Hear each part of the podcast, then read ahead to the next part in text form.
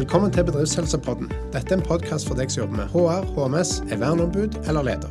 Jeg heter Pål Lillebø og er styreleder i Bedriftshelsetjenestenes bransjeforening. Har du spørsmål eller tema du ønsker vi skal ta opp, send en e-post til podcast.bhtb.no. I dag skal vi bl.a. snakke om rusproblematikk og avhengighet. Og Dagens gjest er Elisabeth Ege, som er direktør i Akan. Velkommen, Elisabeth. Tusen takk. Kan ikke du fortelle meg litt, Hva er Akan for noe?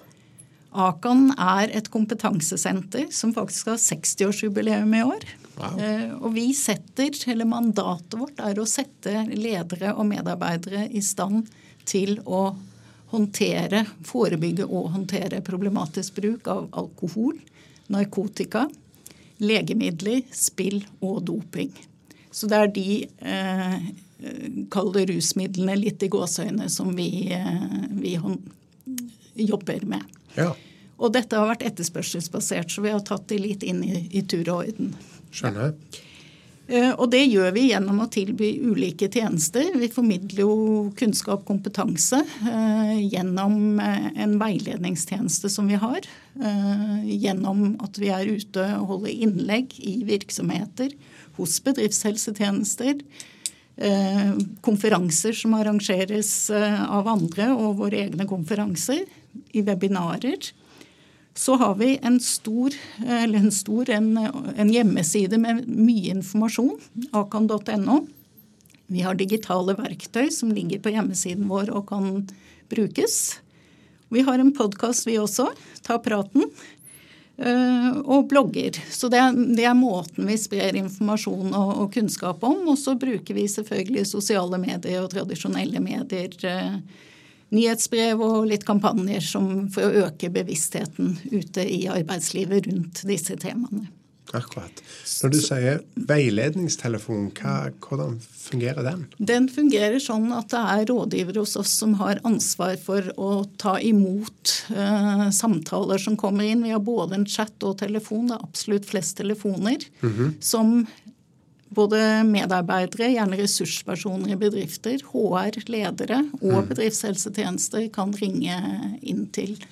Og da er det egentlig åpent opp og spørre. Det kan være en bekymring for en ansatt. Veldig ofte er det en leder som ringer inn, er bekymret for en ansatt og lurer på hvordan skal jeg gå fram nå. De tror det har med rus å gjøre, eller spillproblematikk, men de er ikke sikre. Eh, Så kan det også, vi kan være diskusjonspartnere for en bedriftshelsetjeneste f.eks.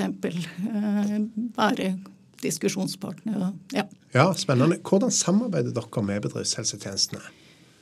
Vi samarbeider på den måten at eh, både de bruker veiledningstjenesten vår, at de ringer eller at de inviterer oss ut i møter eh, i opplæring. Både for sin egen del, for sine egne ansatte og for eh, medlemmene sine. Mm. Og så har vi to kurs som vi arrangerer som er utviklet i samarbeid med bedriftshelsetjenester og skreddersydd bedriftshelsetjenester. Akkurat. Så det, det er vel eh, først og fremst den måten vi samarbeider på. Mm. Ja. Så har jeg bare lyst til Ja. å si, for det at vi, vi, vi er til for hele norsk arbeidsliv. Vi eies av LO, NHO og staten, men alle virksomheter i landet kan bruke oss. og Det, det er viktig å understreke, for det er, Ja. det er noen som misforstår. ja, ja, det er viktig. Hva, hva er det dere bistår helt konkret virksomhetene med? Det vi gjør er for det første at vi veileder eh, rundt eh, Kan begynne i en annen ende. Ledere eh, og virksomhet virksomheter som sådan har jo og særlig ledere har, kommer jo ikke borti mange saker. Nei. eh, Problemstillinger, heldigvis. heldigvis. Og der har jo BHT en fordel ved at dere kommer borti flere.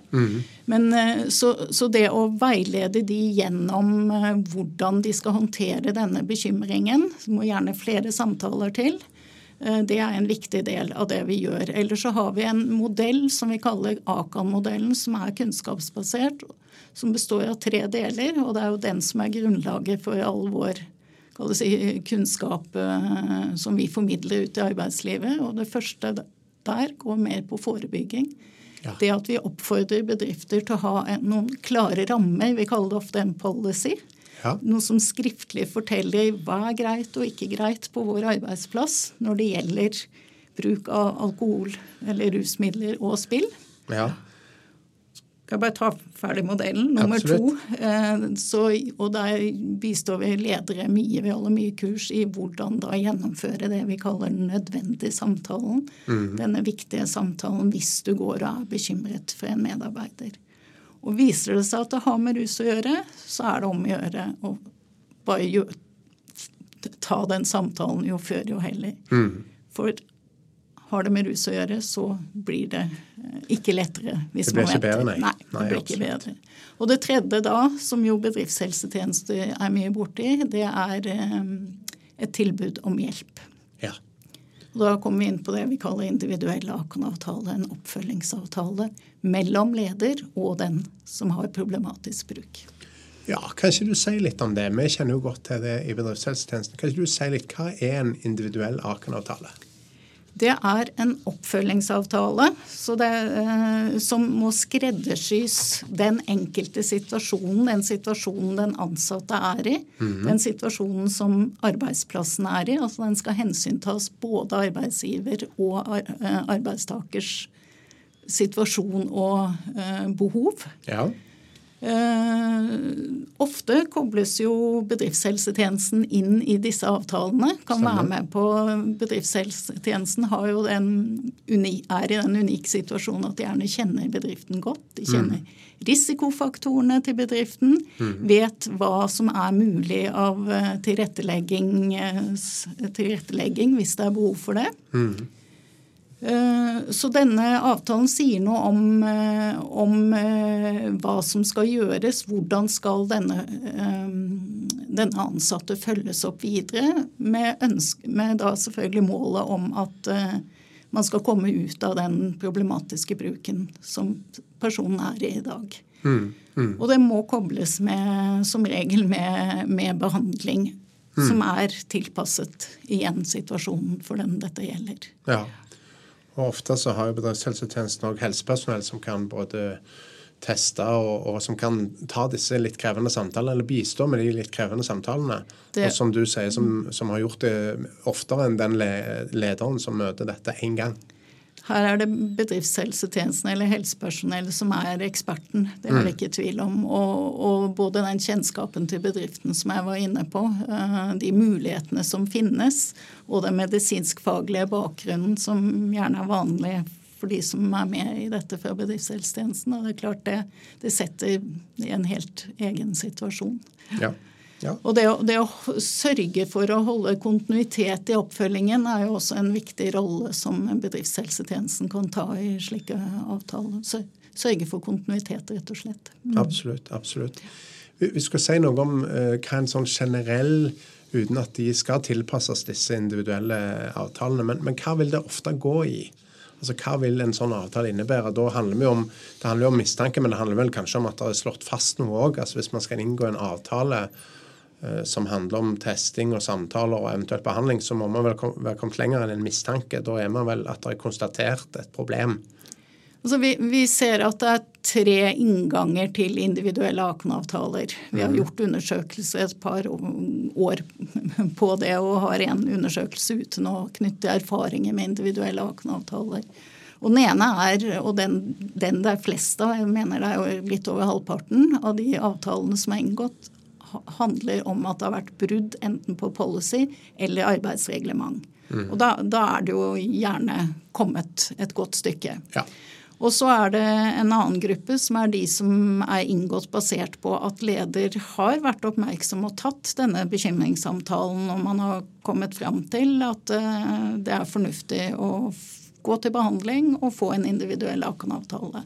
Ja. Og så er den tredje, som også finnes en del av, og spesielt i, på arbeidsplasser hvor man har en åpen kultur, nemlig folk som selv kommer og sier at nå tror jeg jeg trenger hjelp.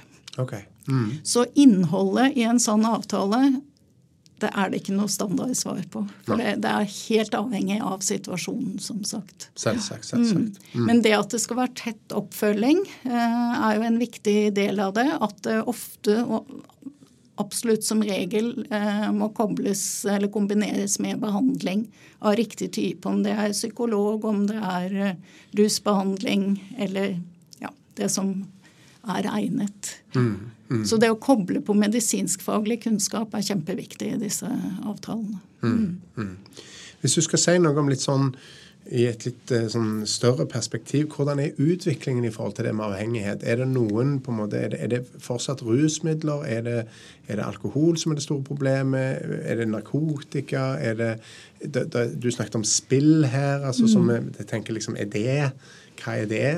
Ja, eh, Vi har jobbet eh, formelt med pengespillsproblematikk siden 2006. Og det var rett og slett etterspørselsbasert. Vi begynte å få telefoner, veiledningstelefoner fra arbeidslivet hvor de ikke helt skjønte hva er det som, holder, hva er det som har skjedd her. Typisk medarbeidere som eh, ja, til dels dramatiske ting som hadde skjedd. Ikke sant. Uh, når det gjelder Det er alkohol som er hovedutfordringen uh, ja. i norsk arbeidsliv. Men uh, vi lever jo en hva skal vi si, utfordrende, spennende tid når det gjelder illegale rusmidler. Mm. Vi, vi, har opplevd en økning i antall henvendelser knyttet til, eller som har spørsmål knyttet til narkotikabruk. Ja, ja. for det opplever nemlig vi i BHT, og kanskje særlig blant yngre arbeidstakere. Uh, ja. ja. Ca. én av fire i overkant av det veiledningssamtale vi mottar hvor rusmidler er kjent, vel å merke handler om narkotika. Men litt over 50 handler om alkohol. 50 ja, ja. Mm. Mm. Men dette med spill, si litt mer om det. Altså Pengespill snakker man om man mm. spiller seg til gjeld, man, man, sitter og spiller hele nettene. Er det, er det nettkasino og sånne ting? Nå er, har du jo spillmuligheten i lomma, så det skjer det jo mye politisk, heldigvis. Og vi har jo stadig fått uh, strengere retningslinjer. Og disse utenlandske spillene de er jo ikke lov i Norge lenger. Nei, men, men de, de, er jo der. Ja, uh, Internettet. Altså, ja. Så, så, ja, det, det, kan være dramatiske historier med folk som uh, spiller bort millioner.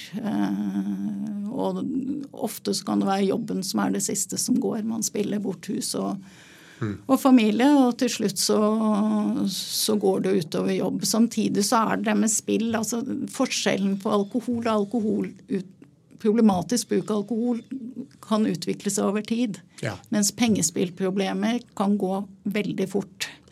Eh, for, nettopp fordi det handler om penger. Mm. Eh, og, og, vi hører fra arbeidslivet at eh, trenger ikke å ha en spillavhengighet sånn diagnostisk for at det skal gå utover jobb. Det holder rett og slett at du spiller bort mer penger enn det du har råd til. Og da mister du konsentrasjon, ja. rett og slett. Ja. Akkurat, akkurat. Men det er, det, er, det er, vel der det er de mest dramatiske historiene vi hører. Mm. Sier du det? Mm. Mer enn eh, alkohol og narkotika? Sett? Ja, eh, det er vel om mulig enda mer skambelagt. Altså det, er, nå kan du si det begynner å bli mer kunnskap om det, men, det er mindre kunnskap og forståelse for uh, pengespillsproblematikk enn alkohol. Altså Vi drikker jo alkohol alle mann. De aller, aller fleste av oss. Det er vel 80, 85 ja. Mens pengespill er det jo ikke. Nei. Så vanlig, ja. Stemmer det. stemmer det. Uten at jeg skal si at det er årsaken, men det er naturlig å tenke at det har noe med det å gjøre. Og det har vært mangel på kunnskap, og det er jo det vi har begynt å få spørsmål om. Ja. Mm, mm. Mm. Dette med, med, mistanke om misbruk av alkohol og narkotika er jo ganske touchy tema. Hvordan, ja. hvordan, tenker du at en leder bør gå fram? Du sier at hvis det er mistanke, eller så ringer man til dere og får noe veiledning, eller snakker med bedriftshelsetjenesten. Men er, liksom, er det noe sånn beste praksis? Eh? Beste praksis er er du bekymret, har litt den vonde magefølelsen, så ta en prat med den ja. medarbeideren, personen det gjelder. Litt sånn generelt godt lederråd, man får. Riktig. Og så er er det jo noe med å tenke gjennom det Hvordan skal den samtalen være, da? Og i en første samtale så, så er vår klare anbefaling Fortell hvorfor du er bekymret. Hva er det konkret som gjør deg bekymret? Mm. Er det endring i atferd? Er det for sentkomming? Er det, altså, hva, hva, mm. er det? Er det prestasjonene som er blitt dårligere? Mm, humør, og eh, temperament. Humør, ja. temperament, ja, atferd. Mm. så, så, vær helt konkret på hvorfor du er bekymret. Mm. Og spør hva, hva handler det om? Mm, mm. Og kanskje kommer det ikke noe lenger enn sånn samtale. Eh, regn med at det må flere samtaler til hvis det handler om problematisk bruk. Mm. Ja. Eh, det er skambelagt. Mm. De færreste av oss vil innrømme noe sånt i første samtale. Når det er sagt, så vet vi også gjennom undersøkelser at en del ser på det med lettelse. Endelig er det en som ser meg. Mm. Mm. Det tenker jeg er viktig å tenke på for, for ledere. at uh, altså, Man har jo en plikt til å se sine medarbeidere, og det å overse Altså ikke gjøre noe med bekymringsfull eh, atferd, for å ta mm. det som et eksempel, eller prestasjoner. Er du en god leder, så tar du en prat om det. Ja. Og Det gjelder jo litt sånn samme hva det gjelder. ikke sant? Den der å stikke hodet i sand og mm. tenke at det går over, det gjør jo ikke det.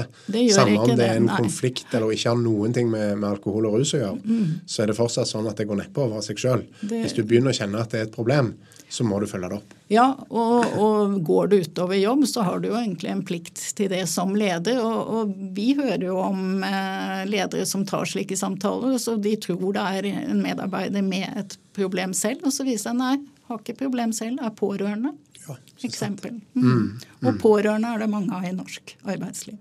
Absolutt. Absolutt.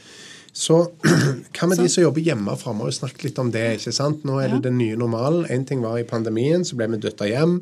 Og så sier vel statistikken at, eh, at i hvert fall alkoholforbruket gikk ikke noe opp, selv om det gjerne økte litt hos noen og gikk ned hos noen andre.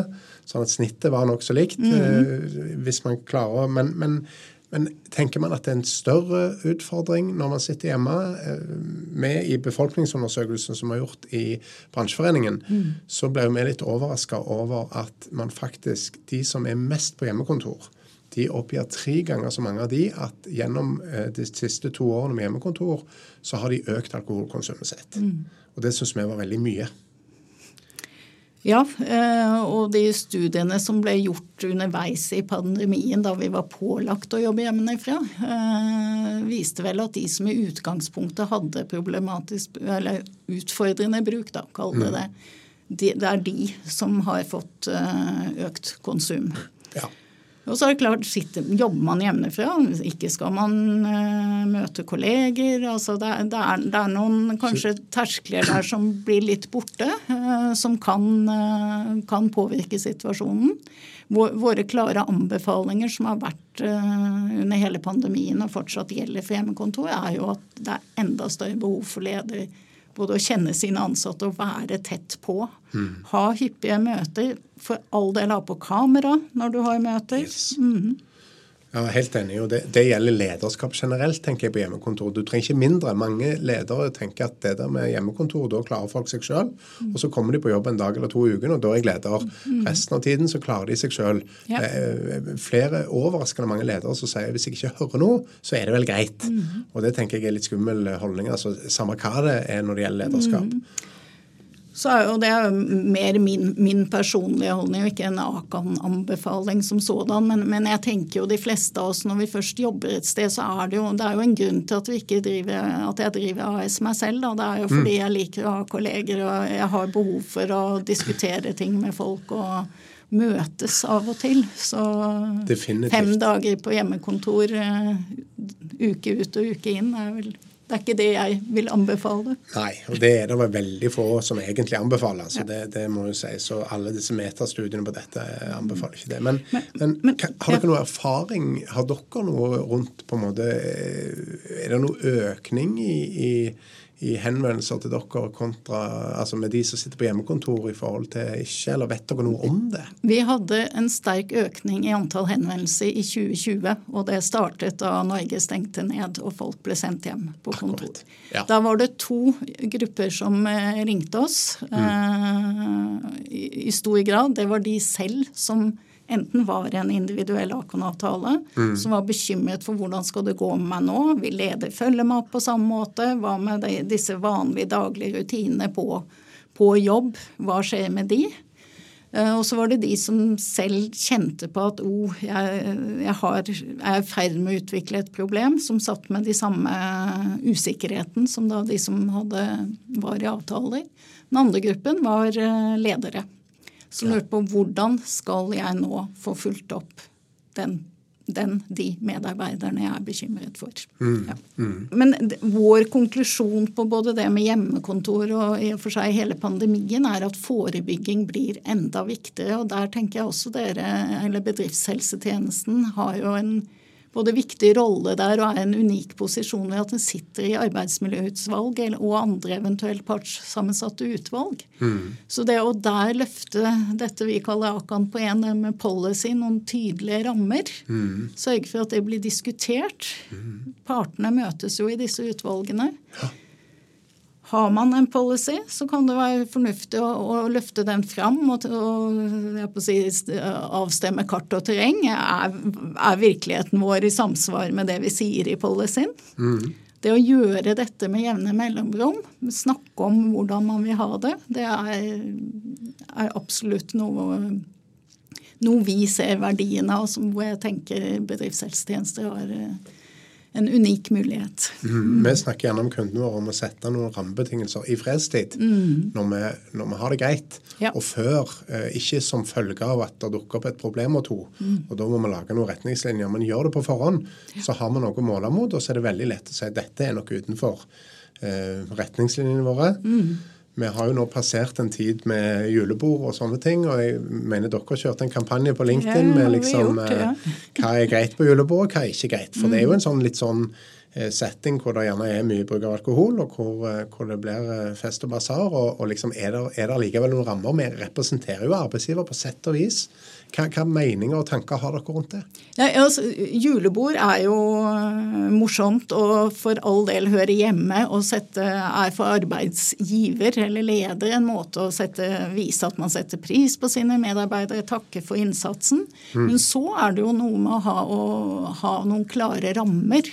Eh, også der at, denne, at, man diskuterer hvor, hva er greit og ikke greit på våre jobbfester. Da, for, mm. Og de situasjonene hvor vi drikker alkohol sammen. Mm. Vi vet fra Folkehelseinstituttet og undersøkelser de har gjort eh, i arbeidslivet, at det er eh, Det, det, det skjer eh, både uønsket seksuell oppmerksomhet Det mm. er, det er, en del dramatiske ting som skjer. Mm. Eh, og vi vet også at eh, det er vel ca. 300 000, litt avhengig av hvor mange som er i arbeid, men, eh, men ca. 300 000 som, som, uteblir fra julebord eller jobbfester i det hele tatt.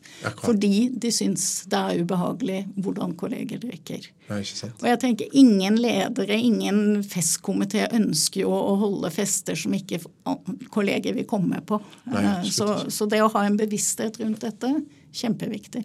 Mm.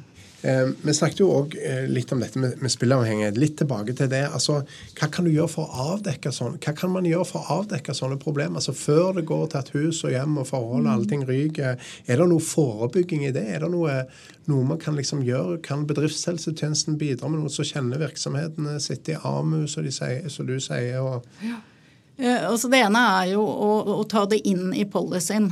En del bedrifter har jo en rusmiddelpolicy, men de sier ikke noe om spillproblematikk i policyen sin. Så det å ta det inn der, da, og, og, ikke minst informere alle ansatte om innholdet i denne policyen. Hva er det for noe? Uansett, ja. ja.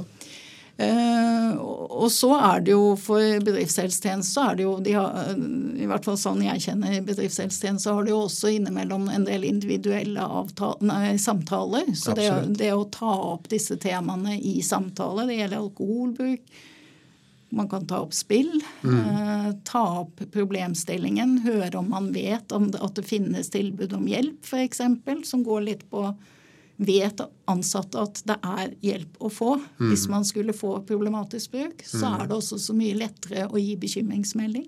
Ikke sant? Ja.